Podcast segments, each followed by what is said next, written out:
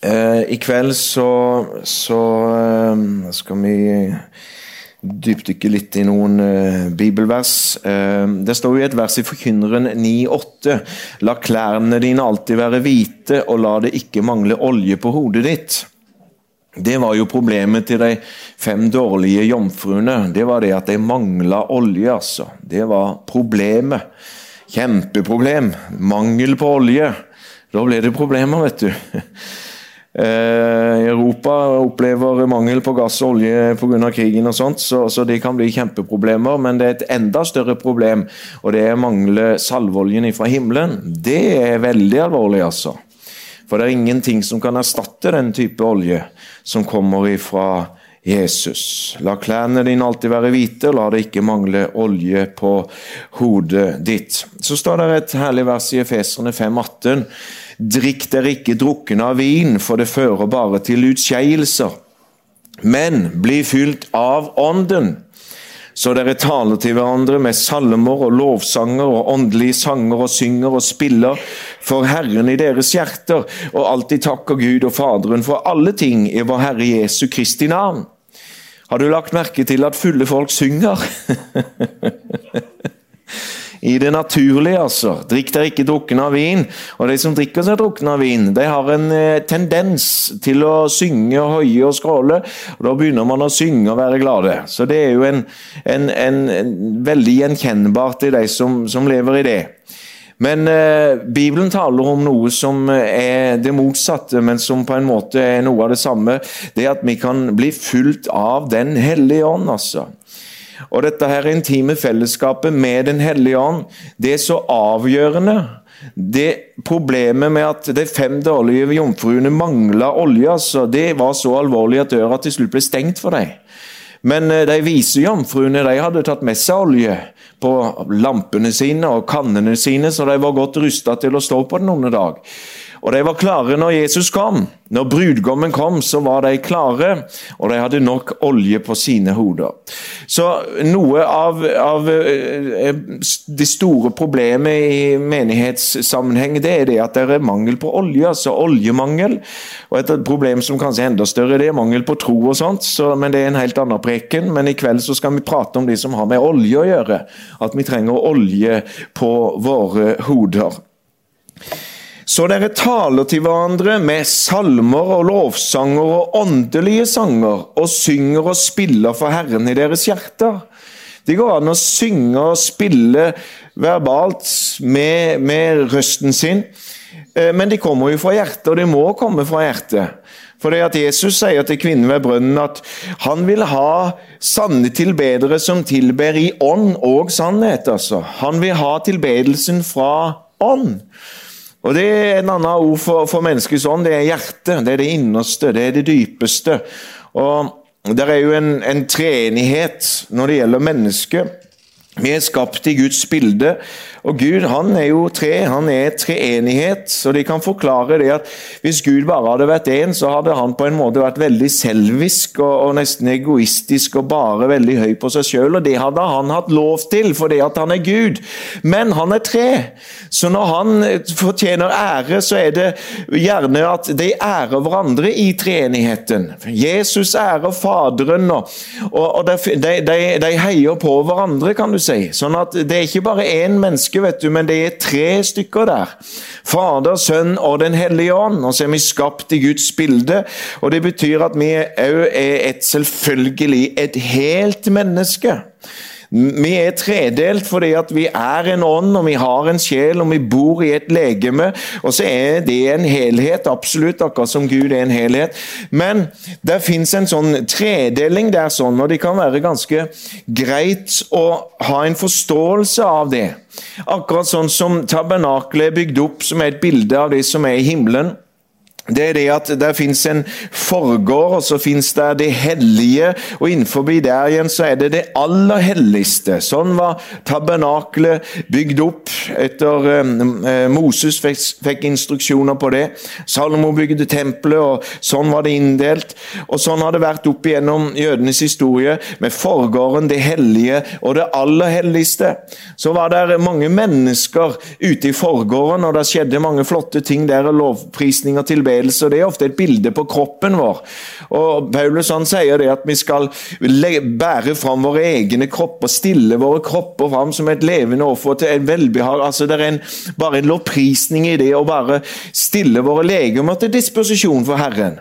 Så det er ikke bare det at det er åndelige ting, men vi bringer til og med vår kropp framfor Herren. Og så har vi dette med sjelen, det er jo der kampen står, og det er ofte et bilde på det hellige. Du har forgården, som er et bilde på kjødet, og i Hebreerne kapittel 10 vers uh, husker ikke helt, så står det det at, uh, at uh, Jesus han har banet en ny og levende vei like inn i helligdommen gjennom forhenget som er hans kjød, står der. Så du vet at kroppen er ofte, kan man sammenligne med denne foregående her hytta, de som kommer til å få gå, de blir igjen på jorda. Vi får ikke kroppen med oss inn i himmelen. Men eh, det indre mennesket som består av ånd og sjel, det går til himmelen. Den, den, det indre mennesket, det er det som, som, kan bli født på ny, vår ånd. Men sjelen det er ofte et bilde på, på, det som har med det hellige å gjøre. Og sjelen de trenger å fornyes kontinuerlig med vannbadet i jordet. Men så har vi det hellige i tabernakelet. Der er Guds nærvær, der er paktens ark i jødedommen. Og Så kom Jesus, og forhenget revna, og så ble det en ny og levende vei like inn i helligdommen. Og alle kunne komme dit, det er like inn i, i, i himmelen, altså, som Jesus har åpna en ny og levende vei for oss. Men i helligdommen, i tabernaklet, der var det sånn at ypperstepresten var den eneste som kunne gå inn én gang i året. For der var Guds nærvær, og det var så hellig. Så i forgården der var det masse mennesker. I det, det hellige der var det eh, mindre mennesker. Og i det aller helligste så var det bare ett menneske én gang i året som kunne gå inn der. Og Det var ypperstepresten. Han gikk der og stenka blod og hadde en del sånne ritualer som han gjorde der.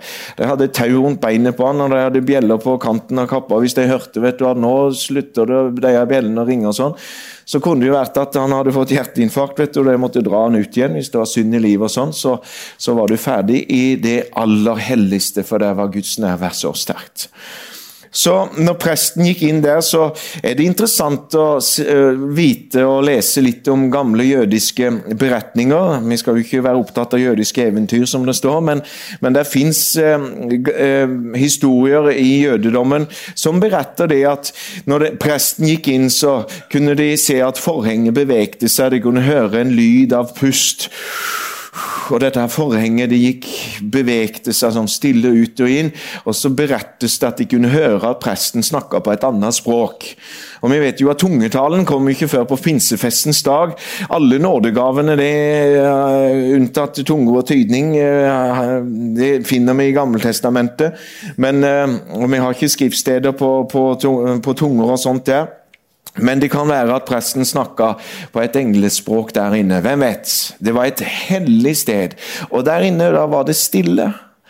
Der var det stille og tyst. Der utenfor stormer det, som vi synger i sangen, men her inne er det fredfylt og tyst. Der var det stille. Det er et bilde på vår ånd, som er det innerste. Så hvis du tegner en skjematisk tegning for å forstå dette her, så er det ytterligere ytterste. Det er kroppen vår, det er den store sirkelen. og Så tar du en mindre sirkel inni den store sirkelen, som er sjelen. og Bakom der kan du ta en mindre sirkel. Det er det innerste. Der er vår ånd. Og vår ånd ble født på ny når vi tar imot Jesus Kristus. Der inne er det fullkomment, akkurat som i det aller helligste. For det er sånn at når du blir født på ny, så blir den ånd som blir født av Gud, den er fullkommen. Som en liten baby blir født, den er fullkommen. Vår ånd er fullkommen, altså. Og hvis ikke vår ånd er fullkommen, den nye, gjenfødte ånd, så kan jo ikke den komme til himmelen. Den må være like ren og hellig som Jesus Kristus sjøl, for at den skal komme til himmelen en dag. Drikk dere ikke drukne av vin, for det fører bare til utskeielse, men blir fylt av ånden så har det vært en debatt på det at hvis du har mottatt Den hellige ånd og blitt født på ny, så kan du ikke få mer ånd. Da har du fått den en gang for alle, så da er det punktum. Ferdig. Finito finale. Da trenger du ikke tenke mer på det. Men i Nytestamentet så leser vi at det går an å bli fylt av ånden, som i dette verset her. De ble atter fylt av Den hellige ånd etter at de hadde blitt åndsdøpt i Apostlenes gjerninger, kapittel 2. Så kommer vi til kapittel 4. Og de ble atter igjen fylt av Den hellige ånd. Og der er ofte vårt problem at vi har oljemangel. Og et av symptomene som skjer, hvordan man kan vite at man mangler olje på hodet, det er det at sangen stilner. Så dere taler til hverandre med salmer og lovsanger og åndelige sanger og synger og spiller for Herren i deres hjerter. Det går an å synge i hjertet uten å åpne munnen engang. Det går an å ha en melodi i hjertet. Det går an å ha en takksigelse i hjertet. Ta det bort det lekende, dette her med å kose seg sammen med hverandre i ekteskap, i familie, så har man en, en, en miserabel familie, et miserabelt ekteskap. Tar man bort denne lekende biten ifra gudstjenestene våre, fra vår relasjon til Jesus Kristus, så, man, så er man plutselig i kategorien blant de fem dårlige jomfruene som mangler olje. Det å stadig reprodusere denne olja, denne salveoljen i vårt indre, det gjøres ved at man synger og spiller og er litt sånn lekende. altså. Dette som har med dans å gjøre, det som har med denne her, Du gjør det ikke for noen ting. Du bare elsker Jesus. Og I forgården så er det mye praktisk som skjer, og i det aller helligste, nei, det hellige, men i det aller helligste der skjer det jo ingenting annet enn at du bare er der og er betatt og tatt av hans kjærlighet, hans nærhet. Det er der det skjer, altså. Første Tessalonikerne 5,23 må han selv, fredens Gud, hellige dere helt igjennom, og må deres ånd, sjel og legeme bevares fullkomne, ulastelige ved vår Herre Jesu Kristi komme. Han er trofast som kaller dere. Han skal òg gjøre det. Så han har skapt oss på underfylt vis, på en måte i tre deler, men allikevel en enhet.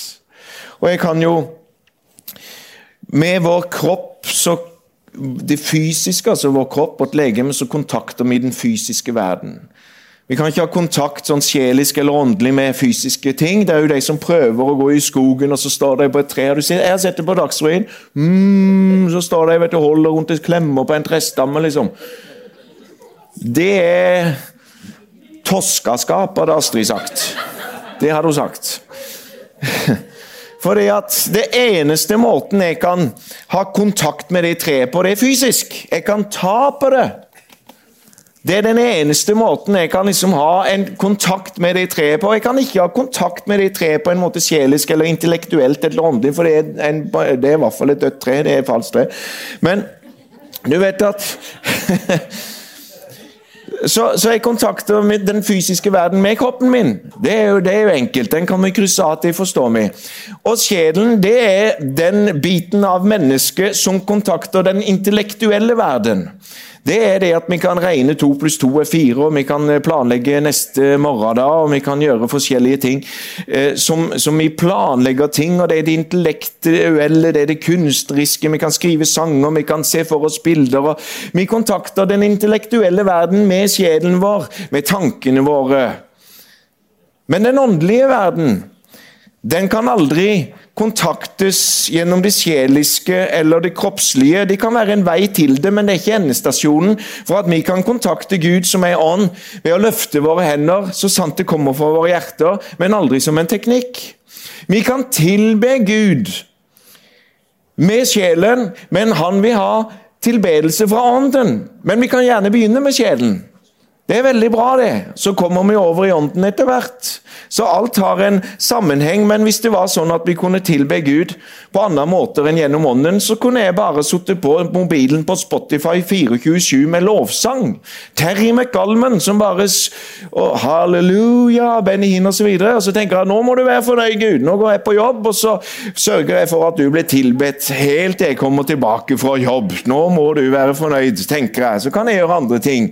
Gud blir ikke fornøyd fornøyd å høre på samme hvor bra det er med Terry McNalman og Benny Hinn-musikk og alt det der på Spotify. Du vet at jeg er 49 år, så jeg er ikke med på Jeg vet ikke andre moderne lovsanger sånn i dag, men eh, det er liksom det som jeg ikke sant, refererer til. Men Gud, han vil ha det fra våre hjerter. Det er det som imponerer han. Så der kommer religionen inn i bildet. At vi vi har våre liturgier i gudstjenestene. Så sier Herren, liksom, og så har man sånne faste ting. Gud blir ikke imponert av det, for det er jo sjeliske døde ting som ritualer. De, kommer, de, de kan du si i halvsøvne, liksom. Og Du kan tenke på hadde en teskje eller to teskjeer med bakepulver i den kaka som jeg bakte i går, eller og hvorfor var den så Og så kan du Halleluja!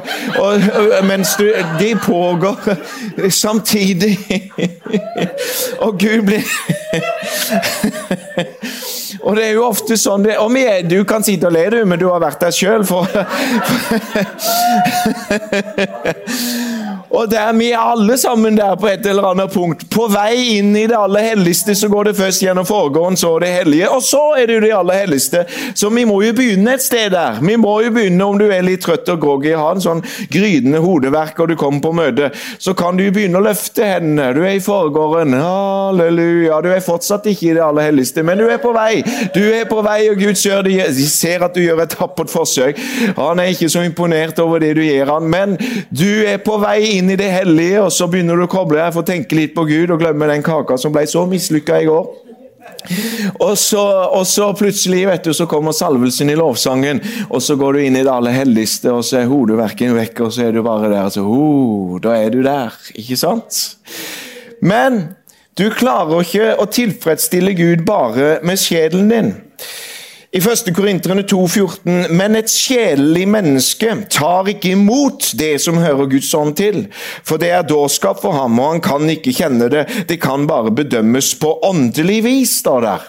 Og endre et vers på to eller tre vitners utsagn skal en sak stå fast. Judas 19. Disse er det som skaper splittelse. De, de er sjelelige mennesker som ikke har ånden. Så en sjelelig menneske kan ikke klare å ta imot fra Gud. Og ute i verden så er det tusenvis av mennesker som ikke er født på ny, som bare er sjelelige mennesker som resonnerer med sjelen. Verden vil ikke høre snakk om ånd. De skal bare ha intellektet, kroppen, sjelen eller intellektet. Punktum. Og man vil ikke høre om ånd. I disse tider så er det jo New Age og sånn som vi åpner mer opp for ånd, sånn globalt sett, på en negativ måte. Men før så var det i hvert fall veldig sånn at det er bare det sjeliske, og så er det ikke noe mer enn det. Og vi kan aldri tilbe Gud annet enn gjennom ånd, i sannhet og i ånd. Et sjelelig menneske kan ikke ta imot fra Gud. Så når vi skal vitne for et menneske og få de mennesket frelst, så kan man aldri argumentere med de mennesket og prøve å vinne argumentasjonen, altså. Vinne krangelen. Og dette ufrelste mennesket kan komme med lista si, som de fleste gjør, at hvorfor er det krig i verden hvis det fins en god Gud, og så har du situasjonen i gang gang, og så kan du krangle på det, da. Du får aldri det mennesket frelst. Selv om du har et veldig godt svar på det. at I Feserne 2.2 så står det at det er ikke Gud som er denne verdens gud, men det er Satan som er denne verdens gud. Vi har overgitt herredømmet til djevelen, derfor er det krig i verden.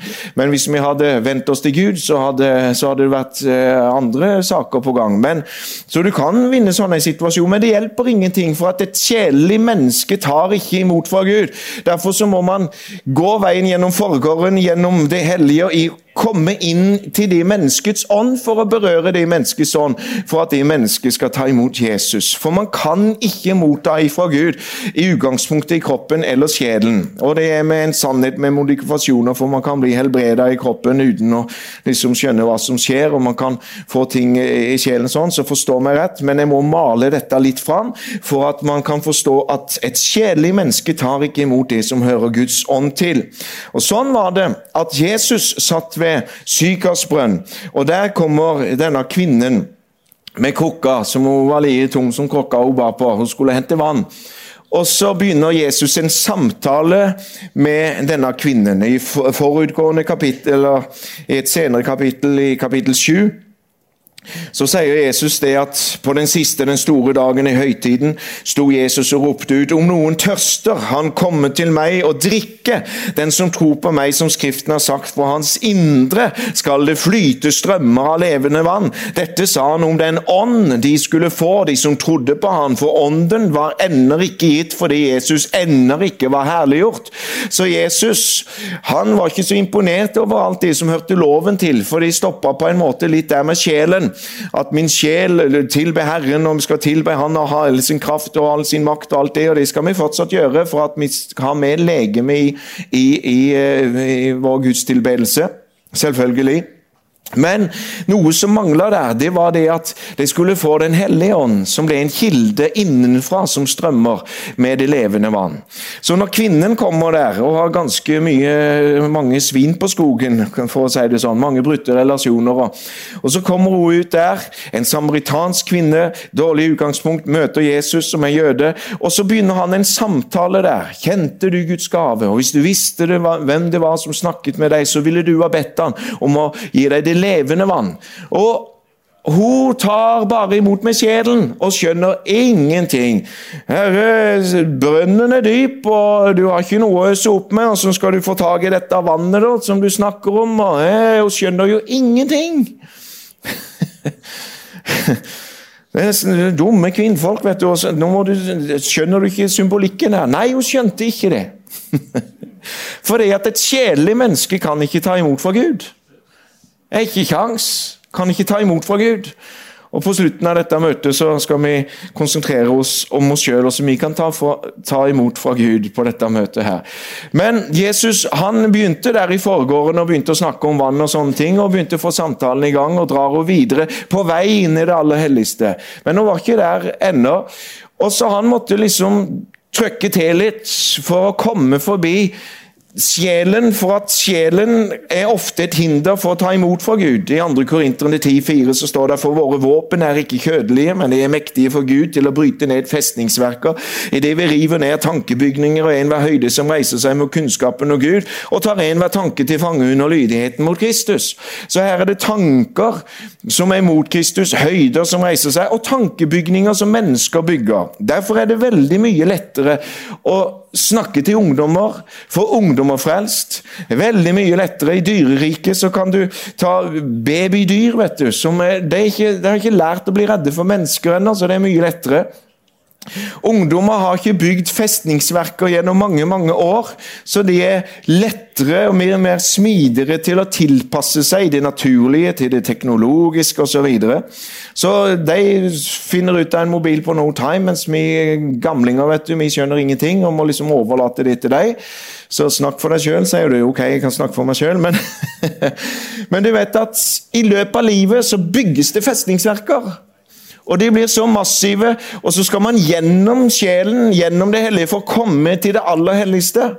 Og Jesus han begynte å arbeide med denne her dama. Hun skjønte ingenting av dette her vannet og sånt. Han snakka om det levende vannet. Og så begynner han å snakke om dette her som Hun begynner å snakke om Gerasimfjellet, at her skal vi tilbe på det fjellet, eller dere mener jo det andre fjellet, Jerusalem osv. Hun begynte å argumentere om forskjellige ting. Men Jesus sier, men den time kommer, og er nå, da de sanne tilbedere skal tilbe Faderen i ånd.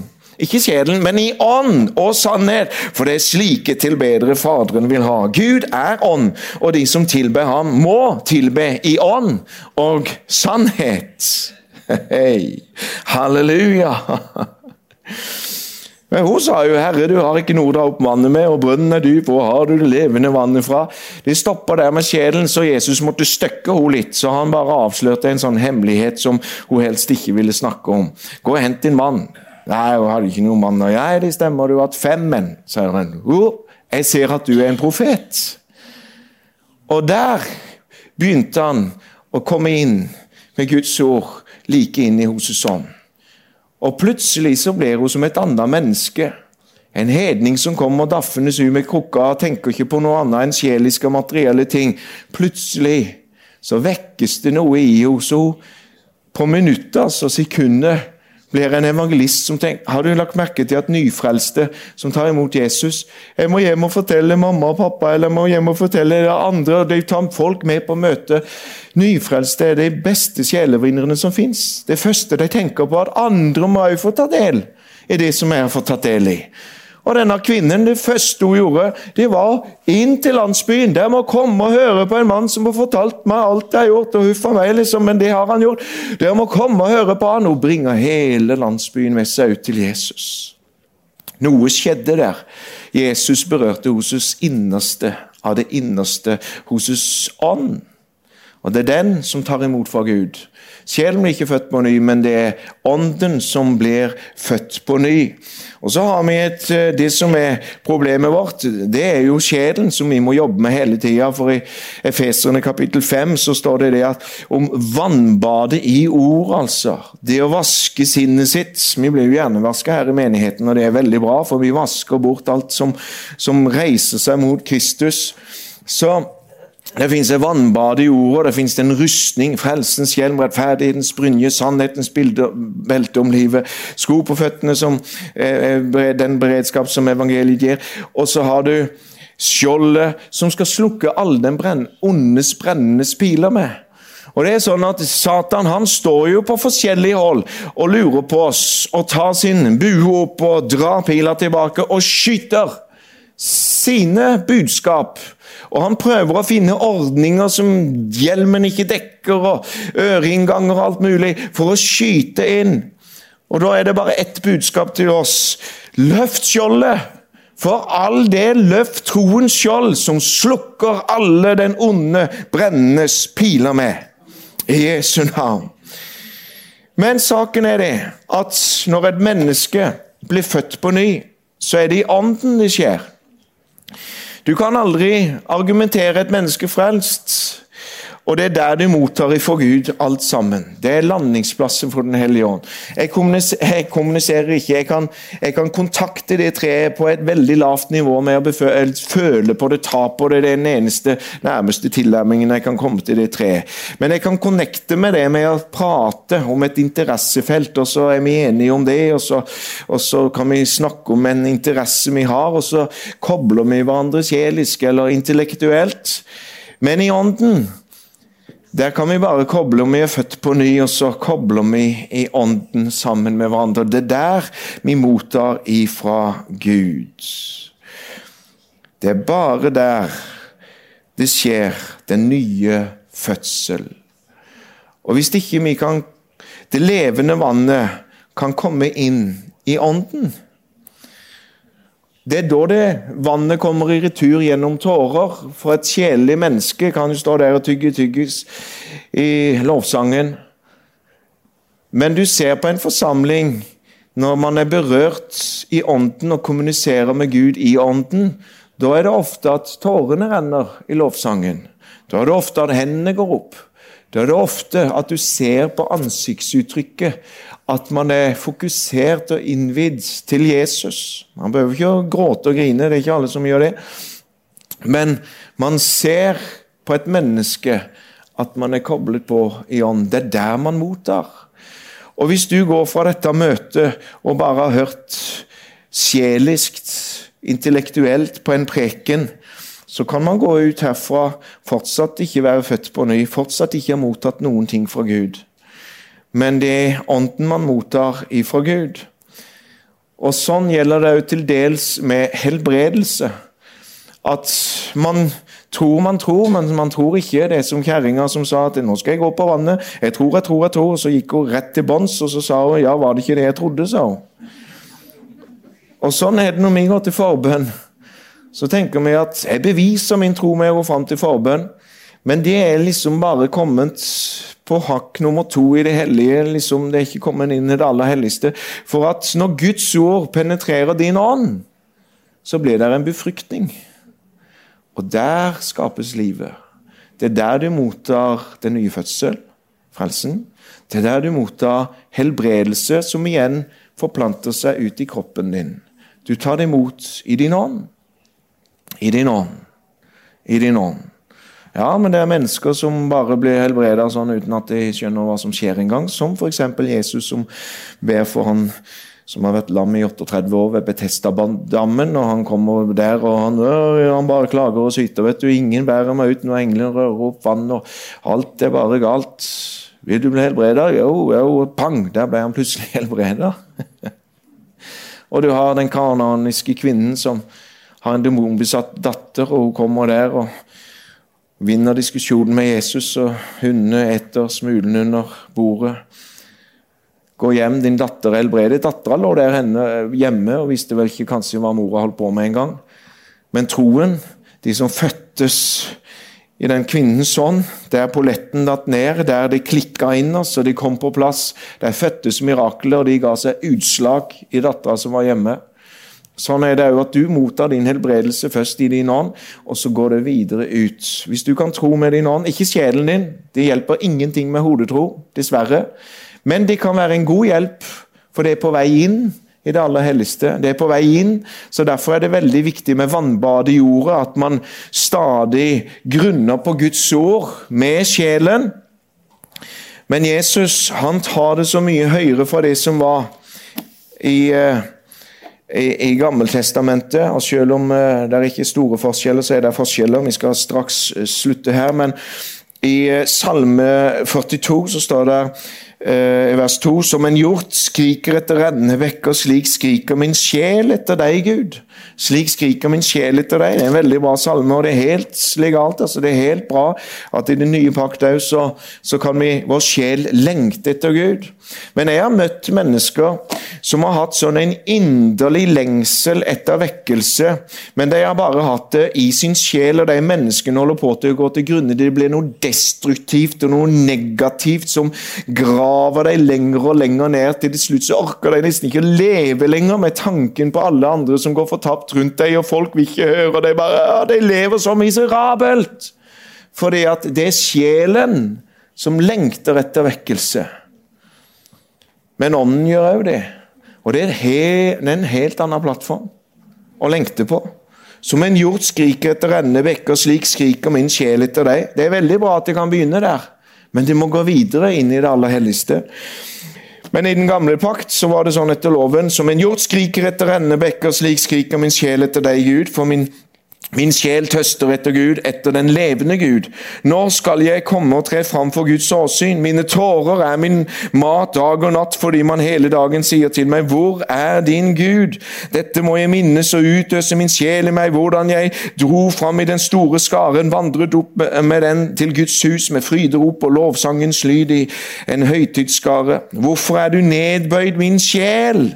Og bruser i meg. Vent på Gud, for ennå skal jeg prise ham for frelse for hans åsyn.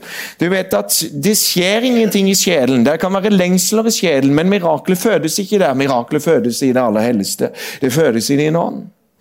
Derfor er det så vondt å ha sjelelige lengsler. Om dagen sender Herren sin miskunnhet, om natten er han sang hos meg bønn til mitt livs Gud. Jeg må si til min Gud, min klippe, hvorfor har du glemt meg? Hvorfor skal jeg gå i sørgeklær mens fienden undertrykker meg? Det er som om mine ben ble knust når mine fiender håner meg, når de hele dagen sier til meg, hvor er din Gud? Hvorfor er du nedbøyd, min sjel, hvorfor bruser du i meg? Sett ditt håp til Gud, jeg skal ennå prise ham, mitt åsyns frelser, min Gud. Å, sjelen lengta ropte. Israelittene, jødene, satt ved Babylons elver. Hvordan skulle de synge Herrens sanger? De sa 'syng for oss', sa babylonerne. Hvordan skal vi kunne synge? De satt der ved elva. Og så skal vi kunne synge når vi er bortført i dette landet og vi, vi, vi, vi har ingenting å synge. De hadde mista sangen. Men Jesus,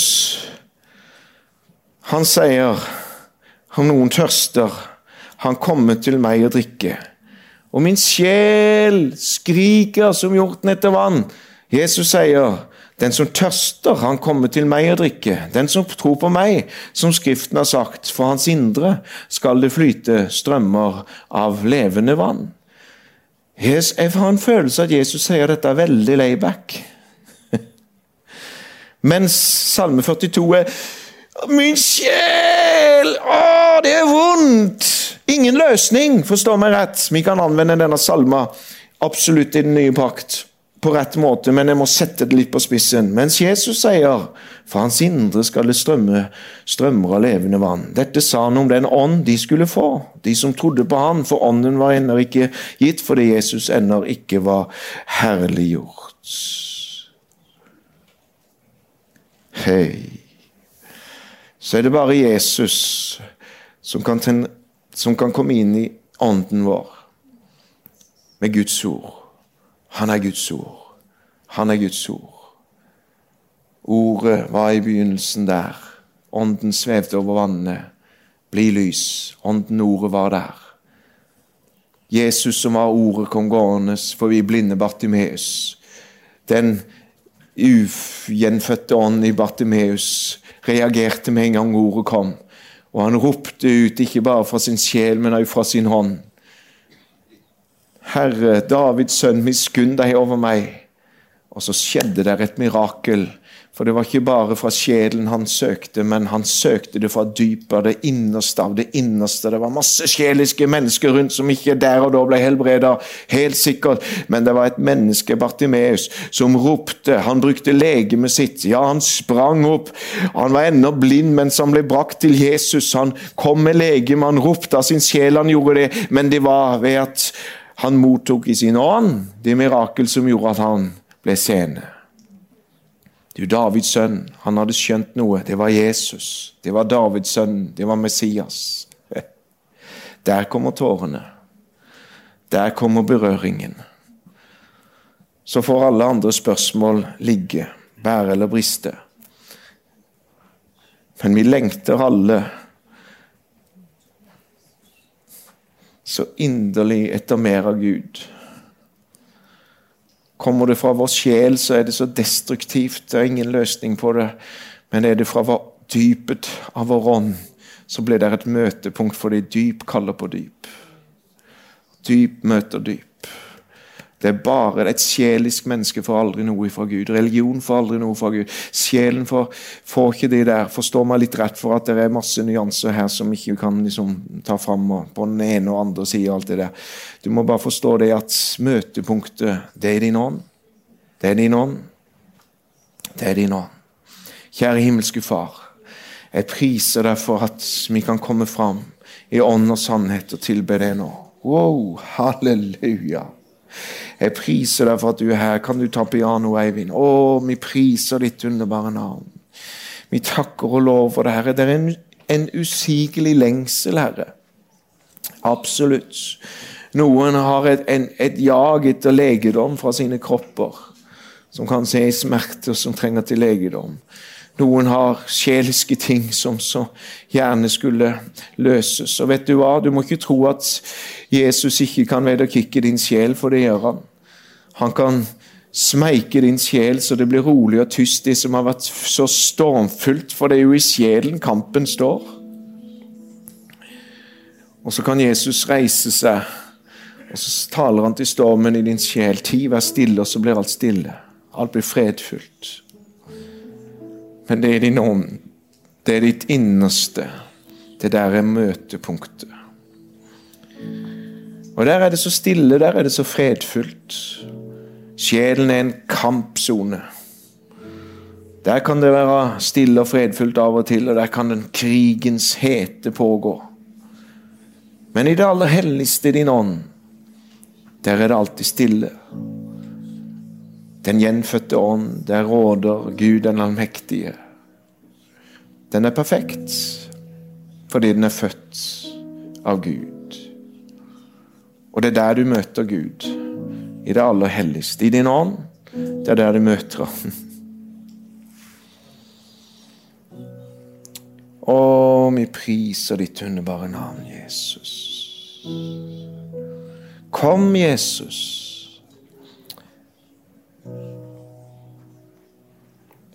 Kom, Hellige Ånd.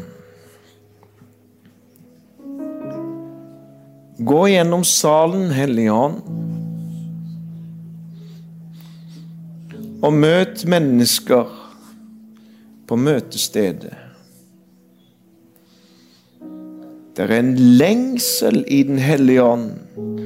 Han er en giver, og han lengter etter å gi til det. Og det er så mye han ønsker å gi, legge ned i din ånd, men det er så trangt å komme inn der. Skulle du åpne opp hjertedøra di? Se, jeg står foran døren og banker. Om noen hører min røst, da vil jeg åpne døren og gå inn til ham og holde nattverd med ham. Om du ville åpne Sjelens barrikader har stengt så mange dør inntil din ånd. Men om du ville legge ned festningsverkene, la Guds ord bryte det sønder og sammen, sånn at det kan bli bana en vei like inn i helligdommen, i ditt innerste, der Han kan komme til. Du finst her i denne kveldsstund, som har kjempa så hardt. Du har hatt dine kamper på kveldstid, når du har lagt deg før du skal sove. Det har vært vanskelig å sove.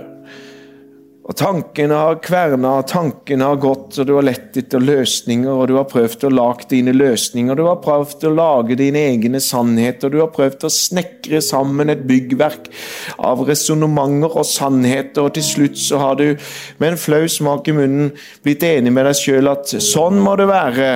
Men innerst inne, i det innerste i din ånd Din ånd vitner ikke med deg, vitner ikke med sjelen at det, være, at det er sånn. Men sjelen din har bygd et byggverk av såkalte sannheter. Og så kommer Guds ord, det levende vannet, og bare skyller det ned. For det er din ånd sannheten ligger. Det er der du må tilbe, i ånd og sannhet. I ånd og sannhet. Kjære himmelske Far, takk for olje på våre hoder. Å, vi priser ditt underbare navn. Jesus. Bare vær litt tålmodig. Bare ikke vær redd for stillheten. Ikke vær redd for at vi bruker litt tid. Sjelen stresser veldig mye. Tankene våre, sinnet vårt, det jager, det stresser, det lager resonnementer. Du må stadig lage resonnementer, du må stadig ha forklaring på alt. Men din ånd om du er gjenfødt, er alltid tilfreds, har alltid fred, har alltid ro. Far i himmelen, takk for legedom nå. Takk for legedom, takk for legedom, takk for legedom. Det som jeg ser Den hellige ånd bare skyller ned, det er sånne, sånne stillaser sånn som bygges opp, etter, og så kommer flommen, eller tsunamien, og så bare skyller inn og drar det ut Messe, alt det der skotet. Sånn at det blir en levende vei like inn i helligdommen. Far i himmelen, jeg bare priser deg for at du har skapt oss til hele mennesker. Jeg takker deg for legedom for kropper nå, Herre. Og jeg takker deg for legedom for sjelen, Herre. Fred for sjelen. Jeg takker deg for du skal bevare vår ånd og vår sjel og vårt legeme til Herre Jesu Kristi dag. Og jeg takker deg for at du bevarer vår sjel, du vasker vår sjel ren med ditt ord. Takk for vannbadet i ordet. Men vi møter deg i vår ånd nå, Herre. Vi møter deg i vår ånd, og vi tilber deg i vår ånd. Vi tilber deg i vår ånd. Kan ikke du bare inni deg begynne å snakke med far? Snakke med far. Snakk med din ånd. Snakk med din ånd. Du kan snakke han med din sjel, komme med alle klagene og argumentene dine. Ja, men det er noe som er enda bedre. Det er bare å legge ned bort. Og så bare begynne å synge og spille i hjertet ditt, i ånden din. Synge og spille for, for far. Synge fine sanger til han. Synge takkesanger. Finne på rim og dikt til far. Han elsker å høre sangene fra hjertet ditt. Elsker å høre det. Halleluja. Fins du her som ikke har en gjenfødt ånd, ikke er født på ny, ikke tatt imot Jesus i hjertet ditt, så vil jeg be deg komme fram etterpå, at vi kan be en frelsesbønn, og du kan ta imot i din ånd. Ta imot Jesus. Og så skal vi bruke resten av møtet på å snakke med far, tilbe far, synge og spille i våre hjerter fra vår ånd. Vi går ikke et hakk ned, vet du. Vi tilbærer ikke sjelen, vi kommer ikke med liturgier, men vi går like inn i det hellige, helligste.